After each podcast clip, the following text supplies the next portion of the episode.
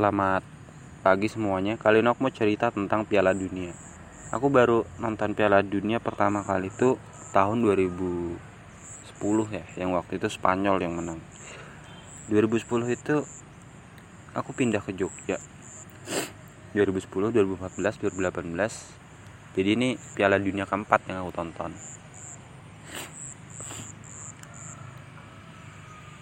Piala Dunia itu sebenarnya sama aja sih kayak permainan sepak bola biasanya cuman ini lebih bergengsi karena satu tim itu artinya satu negara.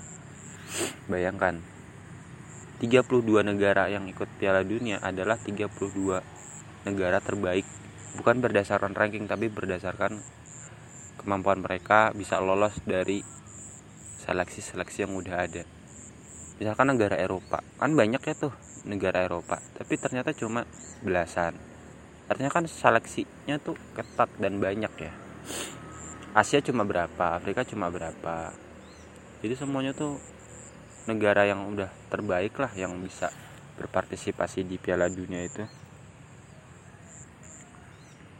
Dan aku tuh berharap ya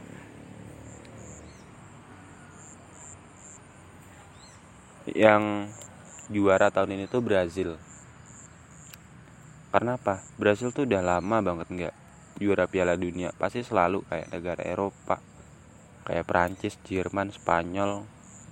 Kapan Brazil? Meskipun Brazil emang udah memegang 5 trofi tapi tetap Brazil lah pengen juara. Tapi entahlah kalau emang Brazil nggak juara dan harus kalah ditaklukkan sama negara lain ya udah berarti emang Brazil kurang beruntung.